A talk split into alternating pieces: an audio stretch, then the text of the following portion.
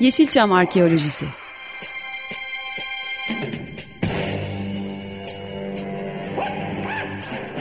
Türk sineması ve Yeşilçam'ın besin kaynakları, emekçileri ve kıyıda köşede kalmış hikayeleri.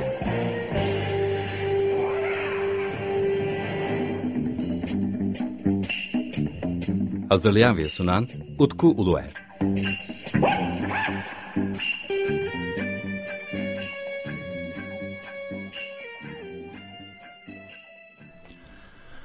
Merhabalar değerli Açık Radyo dinleyicileri. Ben Deniz Utkuluer ve yepyeni bir Yeşilçam Arküsü programında da sizlerle birlikteyiz. Efendim bu haftaki program birazcık farklı bir program olacak. Özellikle İstanbul Film Festivali özel programı demem gerekiyor ama bunun yanı sıra da e, son dönemde yaptığım araştırmalar, e, yaptığım çeşitli söyleşiler ve e, yaklaşık 6 yıldan beridir de e, Türk sinemasının e, bazı kaynaklarına doğru yaptığım yolculuk adına da böyle toparlayıcı bir program yapmayı tercih ettim. Bir de e, şöyle bir ilginç durum daha var. E, çok uzun zamandan beridir de e, tek başıma bir canlı program yapmamıştım. Yani eğer bir süre vermem gerekir sanırım 3 yıldan beridir bu ilk e, Açık Radyo stüdyosundaki e, tek başıma yapacağım canlı program olacak. E, teknik ekipten de e, bana destek veren e, Burak Muşlu arkadaşıma çok teşekkür ederim şimdiden. E, bugün programda neler konuşacağız? Aslında bugünkü programın e, birazcık da e, Yeşilçam Arkeolojisi programı içinde dönüm noktası içeriklerden bir tanesi olduğunu düşünüyorum. Yani sadece İstanbul Film Festivali ile ilgili olan kısım değil. Onun dışında bir de e, bu süre içerisinde yani programa başladığım e, sürenin bugüne kadar e, gelen süre içerisinde pek çok arkadaşımla program içeriği üzerine, e, programın ismi üzerine dahi bazı fikir alışverişlerinde bulunmuştuk. Ve e, programın isminin Yeşilçam Arkeolojisi olmasını bazı insanlar tarafından çok e, çabuk e, kabul edilen bir durum olurken Yeşilçam e, teriminin de bazı insanlar için çok sınırlayıcı olduğunu gördüm. Açıkça söylemek gerekirse programın içerisinde defalarca Yeşilçam ismini e, benim için ne anlama geldiğini e, söylemeye çalışıyorum ama tabii bunun yine altını çizmek, ara ara hatırlatmakta fayda olur. Şimdi özellikle tabii ki e, şimdi Yeşilçam ismi bir sokaktan geliyor ve yani Türk sinemasının tamamen bir sokağın ismiyle özdeşmiş olmasında e, bazı insanlar tarafından çok da e, kolay kabul edilir bir şey olduğunu zannetmiyorum. Bir dönemi ifade etmek için kullanılsa çünkü Yeşilçam sokağında çok fazla e, film şirketi bulunuyor ve bir dönem sektör ağırlıklı olarak o bölgede yer aldığı için de e, isminin Yeşilçam olarak anılması çok yanlış bir şey değil. Ama öte yandan da Türk sinemasının e, bütün sorunlarına rağmen bir sektör haline gelmesi ve e, filmlerin çok yoğun yapıldığı dönem olarak da yine Yeşilçam'ı ele alabiliriz. Bu açıdan baktığımız zaman yani benim geçmişe de olan yolculuğumdan dolayı e, ben hani Türk sineması ile Yeşilçam'ı çok birbirinden ayırt etmiyordum. Çünkü sonuçta Yeşilçam Türk sinemasının bir parçası ama bütün Türk sinemasını tabii Yeşilçam olarak e, ifade etmememiz de gerektiğine ben de katılıyorum. Fakat ister istemez e, sinemamız iç içe geçmiş de bir e, tarihe sahip. Yani bazı isimleri Yeşilçam olarak adlandırmayıp onları da e, kendi programımın içinde yer e, yer vermemeye e, benim gönlüm el vermiyor. Bu yüzden de mesela e, Metin Erksan, Metin Erksan e, yaptığı pek çok filmi de aslında hani Yeşilçam olarak değil hani hep Türk sineması olarak da adlandırır veya e, yani bugün yine bahsedeceğim e, ve size önereceğim yapımlardan bir tanesi mesela e, Sinematek. Yine orada da çok fazla yapılmış e, tartışmalardan bir tanesi aslında bu. Bu yönden de baktığımız zaman aslında ilginç. Hani ben e, Yeşilçam'a bir e, nostalji olarak çok bakmamaya çalışıyorum. Fakat orada ortaya konulan emek ve maalesef de kaybolmuş da bir sinema tarihimiz var. Kaybolmuş filmler var. Çok kötü durumda filmlerimiz var. Bunların hepsine yönelik yaptığım bir yolculuk ve hani burada merkezimizde daha fazla Yeşilçam dönemi dediğimiz işte 1950'lerden başlatıp 1990'ların başında sonlandıracağımız bir dönem olarak ele alırsak eğer Yeşilçam'ı çoğunlukla e, araçlarımızın merkezi noktasında o var. Fakat tabii bizim programımızın ismi Yeşilçam e, arkeolojisi olmasına rağmen burada yaptığımız yolculuk tamamen Türk sinema tarihi üzerine yapılan bir yolculuk ve hatta e, bundan bir ya da iki sene öncesindeki bazı filmleri de merkezimize almamız gerekiyor. Özellikle belgeselleri. Mesela ben e, Yeşilçam Arkeolojisi programında belgeselleri de biraz ihmal ettiğimizi düşünüyorum.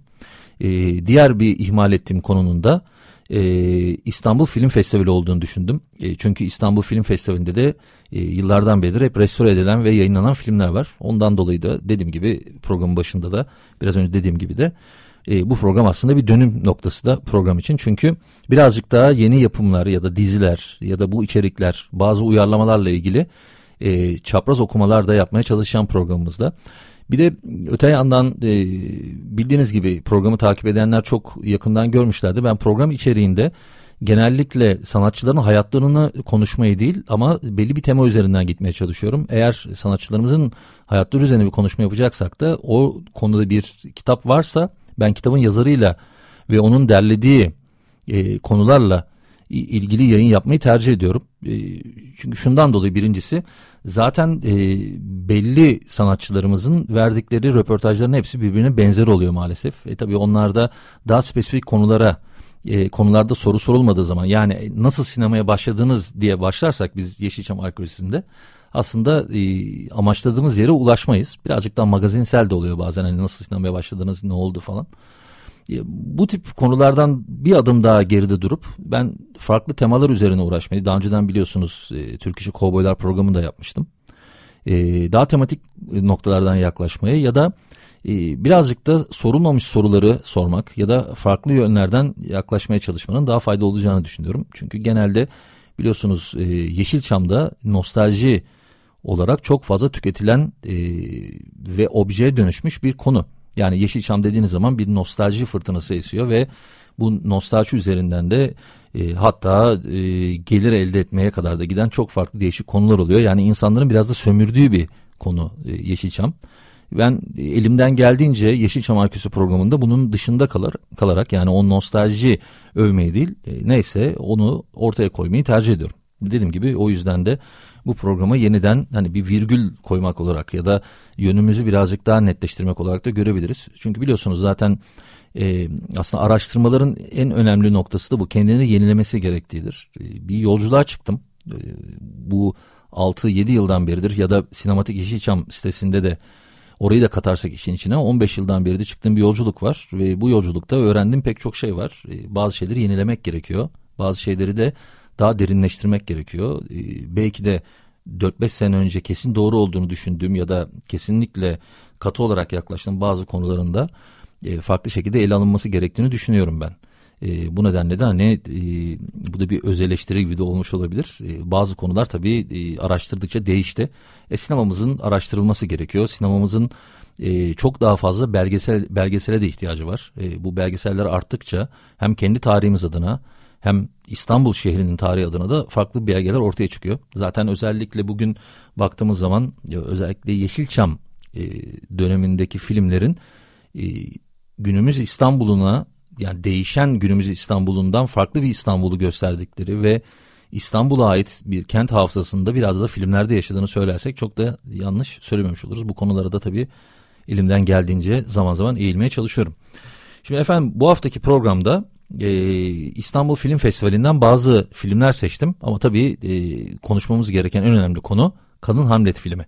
İntikam Meleği Kadın Hamlet filminin e, merkezinde olacağı bir program var. Çünkü e, film kayıp bir film değildi. Ancak e, çok da iyi kopyası yoktu ve en sonunda karşımıza restore edilmiş olarak bir e, kopya e, gösterime girecek ve e, aslında bir nevi de Metin Aksan'ın bu çok önemli yapıtının e, farklı bir şekilde de ele alınacağını düşünüyorum. Çünkü günümüze kadar Kadın Hamlet filmi yurt dışında daha fazla ilgi gören filmlerden bir tanesiydi. Türkiye'de çok fazla yani gerçekten sinema tarihi üzerine ilgilenen insanlar dışında DVD'si çıkmış olmasına rağmen Kadın Hamlet filmini çok araştıran ya da araştırmaların merkezine koyan e, insanla tanıştığımı söyleyemem. Ancak yurt dışından genellikle bu işte benim e, site yaptığım dönemde de tecrübe ettiğim bir konu. Yurt dışından çok fazla insan Kadın Hamlet filmiyle ilgileniyor. Çünkü e, Hamlet hem de bir kadın. İlk başta bu zaten e, çarpıcı bir noktaya dönüşmüş olduğundan dolayı e,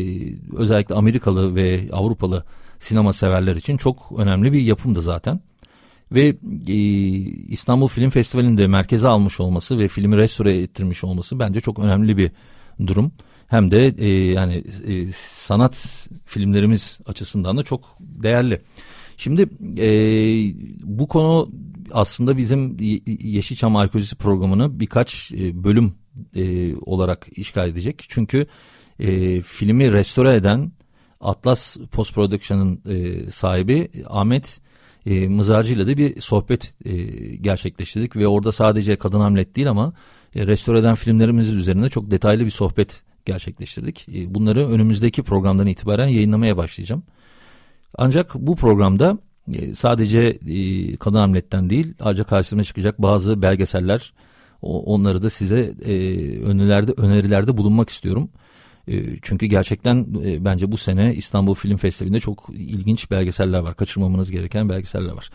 Şimdi Kadın Hamlet filmi 11 Nisan Cumartesi günü yeniden seyirciyle buluşacak ve büyük ekranda gösterilecek. Bu aslında e, birazcık da hani e, uzun zamandan beridir ortaya konan değişimlerden bir tanesi. Çünkü e, filmin gerçekten e, bugüne kadar hani böyle büyük ekranda gösterebilecek bir kopyasına rahat ulaşabildiğini söylenemez. Tabii bu durum e, pek çok filmimiz için geçerli. Şimdi kaba bir rakam verecek olursak e, 7500-8000 tane filmimiz var. Yani Türkiye'de 19 ee, işte 30'lardan e, 40'lardan itibaren günümüze ulaşmış olan filmler var. Bu filmlerin içerisinde e, benim tahminim 500 ile 1000 arasında bir rakam kayıp film olarak geçiyor ya da durumları gerçekten o kadar kötü ki o filmlerin artık hani izlenebilirliği de çok düşük olmuş olabilir. Ee, yani muazzam bir rakam var önümüzde ve bu filmlerin pek çoğunun zaten e, temizlenmesi en azından bize farklı şekilde ulaştırılması gerekiyor. Şimdi e, aslında bu konuda e, İstanbul Film Festivali'de oldukça e, başarılı bir misyon e, edinmiş ve e, işte bereketli topraklar üzerine e, Vurun Kahpe'ye ondan sonra üç arkadaş e, Vesikalı Yarim, Muhsin Bey, Yılanların Öcü, Sürü, e, Anayurt Oteli, İpekçe, On Kadın, e, Asiye Nasıl Kurtulur e, ve Beklenen Şarkı gibi filmleri de e, festival dahilinde restore edilmiş şekilde e, gösteriyorlar. Bu çok önemli. Yani yeter mi diye soracaksanız tabii ki ben Türk sinema tarihinin en büyük sorunlarından bir tanesi filmlerin kayıp olması ve onların aslında iyi bir kopyasının bulunmaması derim. Ancak hani bir yerden başlanması gerekiyor. Bu bence çok değerli bir yaklaşım. O nedenle çok önemsediğim bir yaklaşım ve bugün yani özellikle de bu dönemde de hazır film festivali devam ederken de bunu merkeze koymak istedim. Ee, tabii Kadın Hamlet filmi e, Metin Erksan için de farklı bir film bu Memduh Ün'le de çalıştıkları ilk ve tek yapım olması da yine filmi çok e, farklı kılıyor. Uğur filmden çıkmış e, film ve 1976 tarihli. E, tabii ki filmdeki en önemli unsurlardan bir tanesi de farklı bir rolde izlediğimiz Fatma Girik. Ayrıca filmde Sevda Ferda var, Reha Yurdakul var, Orçun Sonat var. Nevra Serezli var ki Nevra Serezli ayrıca bu yıl e, İstanbul Film Festivali'nden onur ödülü de alacak. Onun da hem de bir filmin olması da çok değerli olmuş. Ahmet Sezerel var, Yüksel Gözen var, Ali Cağaloğlu, Ahmet Turgutlu yer almış ve tabii ki yapımcı ve yönetmen de Metin Erksan. E, Metin Aksan 1974 yılında Şeytan filmini çektikten sonra ki Şeytan filmi de yine e, festivalde gösterilecek olan Exorcist'in yerli uyarlaması ki William e, Friedkin ile ilgili de bir e, bölüm var film festivalinde bu arada. Yani e, onun filmlerini seven insanlar için kaçırılmayacak pek çok güzel gösterim olacak. Mesela Exorcist'i de izleyebilirsiniz bu arada. E, hemen ardından İntikam Meleği yani Kadın Hamlet filmini e, çekmiş ve 76 yılında da film seyirciyle e, buluşmuş. Şimdi e, filmdeki en büyük farklılık e, Hamlet'in erkekliği ve kadın olması ve e, ABD'de eğitim gören bir e, e, şimdi e, filmde hem e, Metin Erksan'ın e, gerçeküstü fantastiği hem de e, Shakespeare'in met, metninden farklı bir e, anlatımda bulunması pek çok insan için ve e, farklı yerlerde de eğitim alan insanlar için e, çok farklı bir olguya dönüşmüş. Bu, bu nedenle de yurt dışından da çok ilk başta çok anlaşılmamış. Çünkü e, Metin Erksan aslında e, filmi gerçek yani Hamlet'in de aldığı gerçek hikayeye çünkü Shakespeare'de oyunu aslında bir ilham alıyor ve ilham aldığı da bir İzlanda halk oyunu. Ve bu e, tema üzerinden e, Metin Erksan aslında yorumluyor. Yani filmin bir Shakespeare yorumundan ziyade bir e, farklı bir yorum olduğu olarak el, e, olarak ele almamız daha doğru olacaktır. E, tabii şimdi bu kadar önemli bir durum çünkü e, şimdi pek çok sinema okulunda da okutulan en önemli isimlerden bir tanesi yine Shakespeare olduğu için ve onunla ilgili bir yapımın bu kadar e, özgür bir yorumla e, paylaşılmış ve sinemaya aktarılmış olması da aslında bizim sinema tarihimiz için de çok önemli. Yurt dışından da tabii e, ilgi toplamasından dolayı çok önemli. Bir de e, yine bu e, filmle ilgili olan e, tanıtım e, broşüründe yer alan çok ilginç bir e, not e, ilgimi çekti ki Yeşilçam arkeolojisinde Pete Toms'a da çok yer vermiştik. Pete Toms'a göre Metin Aksan acı çeken kahramanlara duyduğu sempati intikam meleğinin ardında yatan yaratıcı güç olarak ifade edilmiş. Bu cümleyi e, almış olmaları da benim çok dikkatimi çekti. Çünkü Pete Toms da bu tip filmlerin yurt dışında tanınması üzerine çok fazla çalışma yapmış olan bir yazar. Ve e, yazdığı kitap ve Mondo Macabro ile birlikte de Pete Thompson bu konuda çok e, emek harcadığını düşünüyorum. Diğer bir isim de Metin Demirhan. O da Metin Demirhan da zaten Pete Thompson'la birlikte bu konu üzerinde çok e, kafa yoran insanlardan bir tanesiydi. Ve bu açıdan da özellikle festivalin e, Pete Toms'a da gönderme yapması, Giovanni Sconomiglia'ya da tanıtım broşüründe gönderme yapması benim çok hoşuma gitti. E, çünkü e, farklı bir yapım ve e, hani e, baktığımız zaman Kadın Hamlet filminin e, önemi bence festivalden sonra daha fazla anlaşılacak ve bir şekilde insanlar farklı şekilde sahiplenmeye başlayacaklar bu filmi. E, çünkü hani bazı mihenk taşları vardır ya da e, bazı kilit noktalar vardır ve o kilit noktalarını aslında çok iyi ele almıyoruzdur. Zaten programın yani Yeşilçam Arkeolojisi'nin ortaya çıkma noktası da bunlardan bir tanesi. İşte onlardan bir tanesinin birazcık daha farklı bir şekilde e, ele alınacağı ve hatta hani şunu kullanmak istiyorum ama düzeltilmeye başlanacağı bir süreçte olabilir. Bu yönden de bence e, Kadın Hamlet filminin daha doğrusu Metin Aksan'ın da e, sadece Kadın Hamlet değil intikam meleği olarak da piyasaya sürmek zorunda kaldı. Filmin de bu şekilde e, tekrar restore edilmesi çok tabii önemli bir olgu benim için ve olay benim için. E, restorasyon hikayesini de Ahmet Mizacı ile birlikte uzun uzun konuştuk. Onu da e, 15 gün sonraki programda detaylı olarak dinleyebileceğiz. Ben e, şimdi kadın hamleti de bir kenara bırakacağım ve e, sizler için bazı yapımlar seçtim. Tabii e, seçtiğim yapımlar e, programımızın da içeriğine uygun olarak yani Türkiye'de e, yapılmış yapımlar olacaklar. Yani Türkiye'den çıkmış olan yapımlar olacaklar. Ee, tabii burada e, sizlere şimdi e, izlemenizi önereceğim filmler e, Kadın Hamlet gibi 1976 yılından ya da Yeşilçam dediğimiz e, dönemden değil. Filmlerin ve belgesellerin hepsi 2000, 2022 ve 2023 dönemlerinden. E, fakat çok önemli bir belgesel var ve onu herkese tavsiye etmek istiyorum. Özellikle Türk sineması üzerine araştırma yapıyorsanız ve İstanbul'da yaşıyorsanız kesinlikle görmeniz gereken yapımlardan bir tanesi Aşk, Ateş ve Anarşi Günleri. Türk Sinemateki ve Onat Kutlar.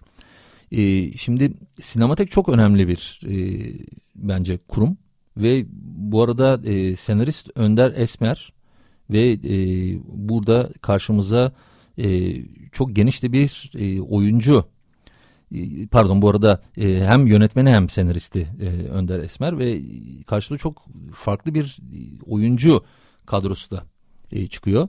Burada Mete Akalın, Cevat Çapan, Atilla Dorsay, Burçak Evren, Mustafa Göçmen, Filiz Kutlar, Mazlum Kutlar, Onat Kutlar, Seza Kutlar Aksoy, Ali Özgen Türk, Nijat Özön, Adnan Özyalçıner, Ömer Pekmez, Vecdi Sayar, Aydın Sayman, Giovanni Sconomillo, Ahmet Söner, Jack Shalom, Hülya Uçansı ve, ve Rekin Teksoy gibi isimlerle de yapılmış olan zaman içerisinde yapılmış olan söyleşilerle birlikte e, farklı bir belgeselin, farklı bir yapımın bizleri beklediğini düşünüyorum. E, çünkü Onat Kutlar arkadaşlarıyla birlikte e, bir grup aydınla birlikte 1965 yılında sinemateki kuruyor. Bu nedenle de e, sadece film gösterilmeyen aynı zamanda entelektüel bir film kültürünün de yapılandığı yerlerden bir tanesi sinematek. Günümüzde bugün sinematek evi de zaten e, Kadıköy'de yer alıyor. E, ve çok ilginçtir. Sinematek e, kurulduktan sonra da Yeşilçam çevresiyle çok beklenmedik bir çatışmanın ortasında oluyor. Şimdi programın başında size söylediğim şey aslında bu izleyeceğimiz belgeselde de yer alan e, kilit e, konulardan bir tanesi sanırım. İzlemediğim için bilmiyorum. E, ben de yine film festivali sayesinde e, filmi izleyeceğim. E, filmin gösterileceği yerler e, 7 Nisan Cuma günü saat 7'de Fransız Kültür Merkezi, 9 Nisan Pazar günü saat 11'de Sinematek'te, Yoğurtçu Parkı'nın oradaki ve daha sonra da Atmas 1948 sinemasında o da 19 Nisan Çarşamba günü 3 tane gösterim var.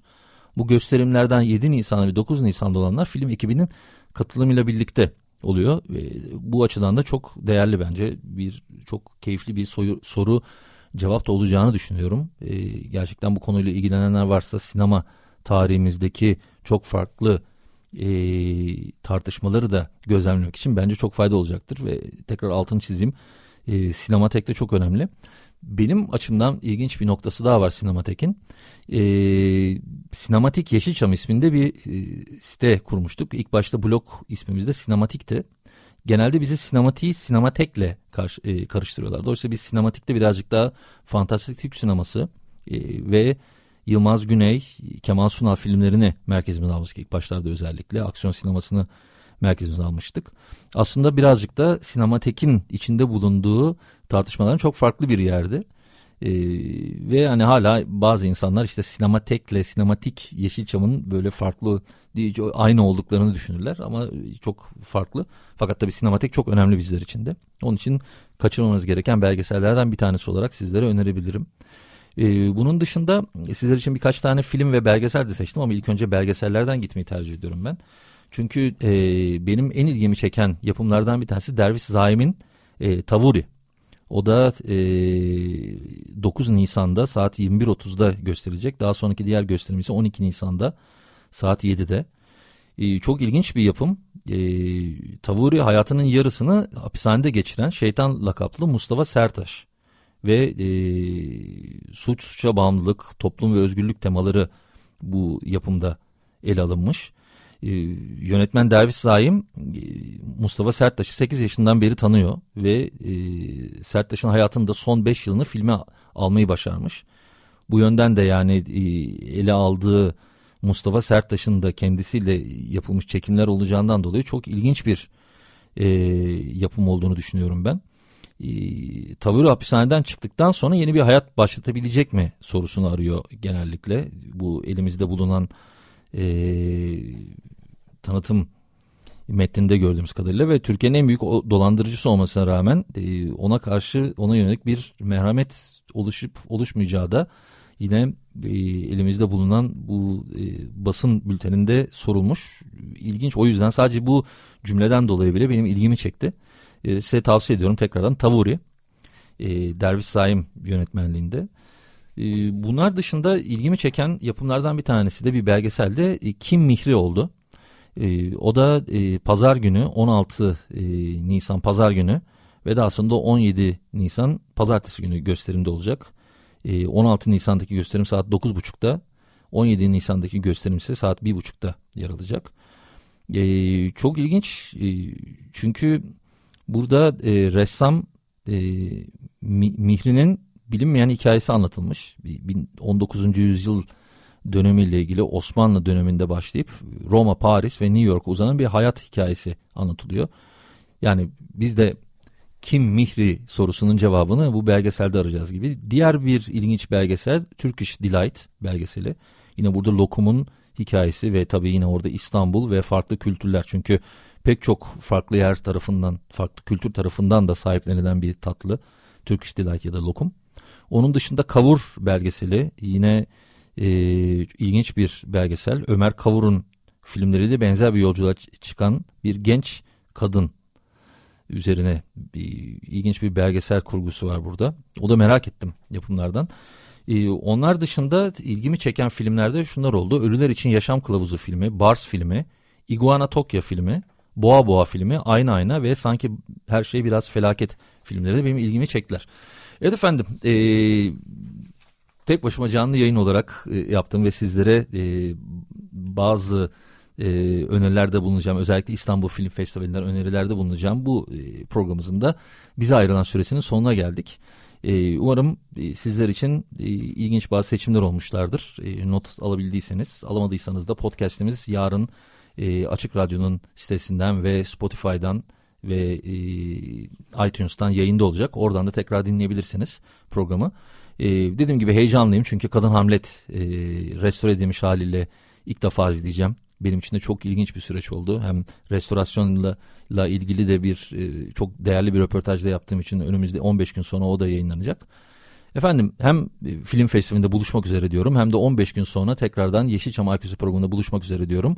Hepiniz hoşçakalın. Ben Deniz Utkuler. Sizlere iyi bir hafta diliyorum. Hoşçakalın.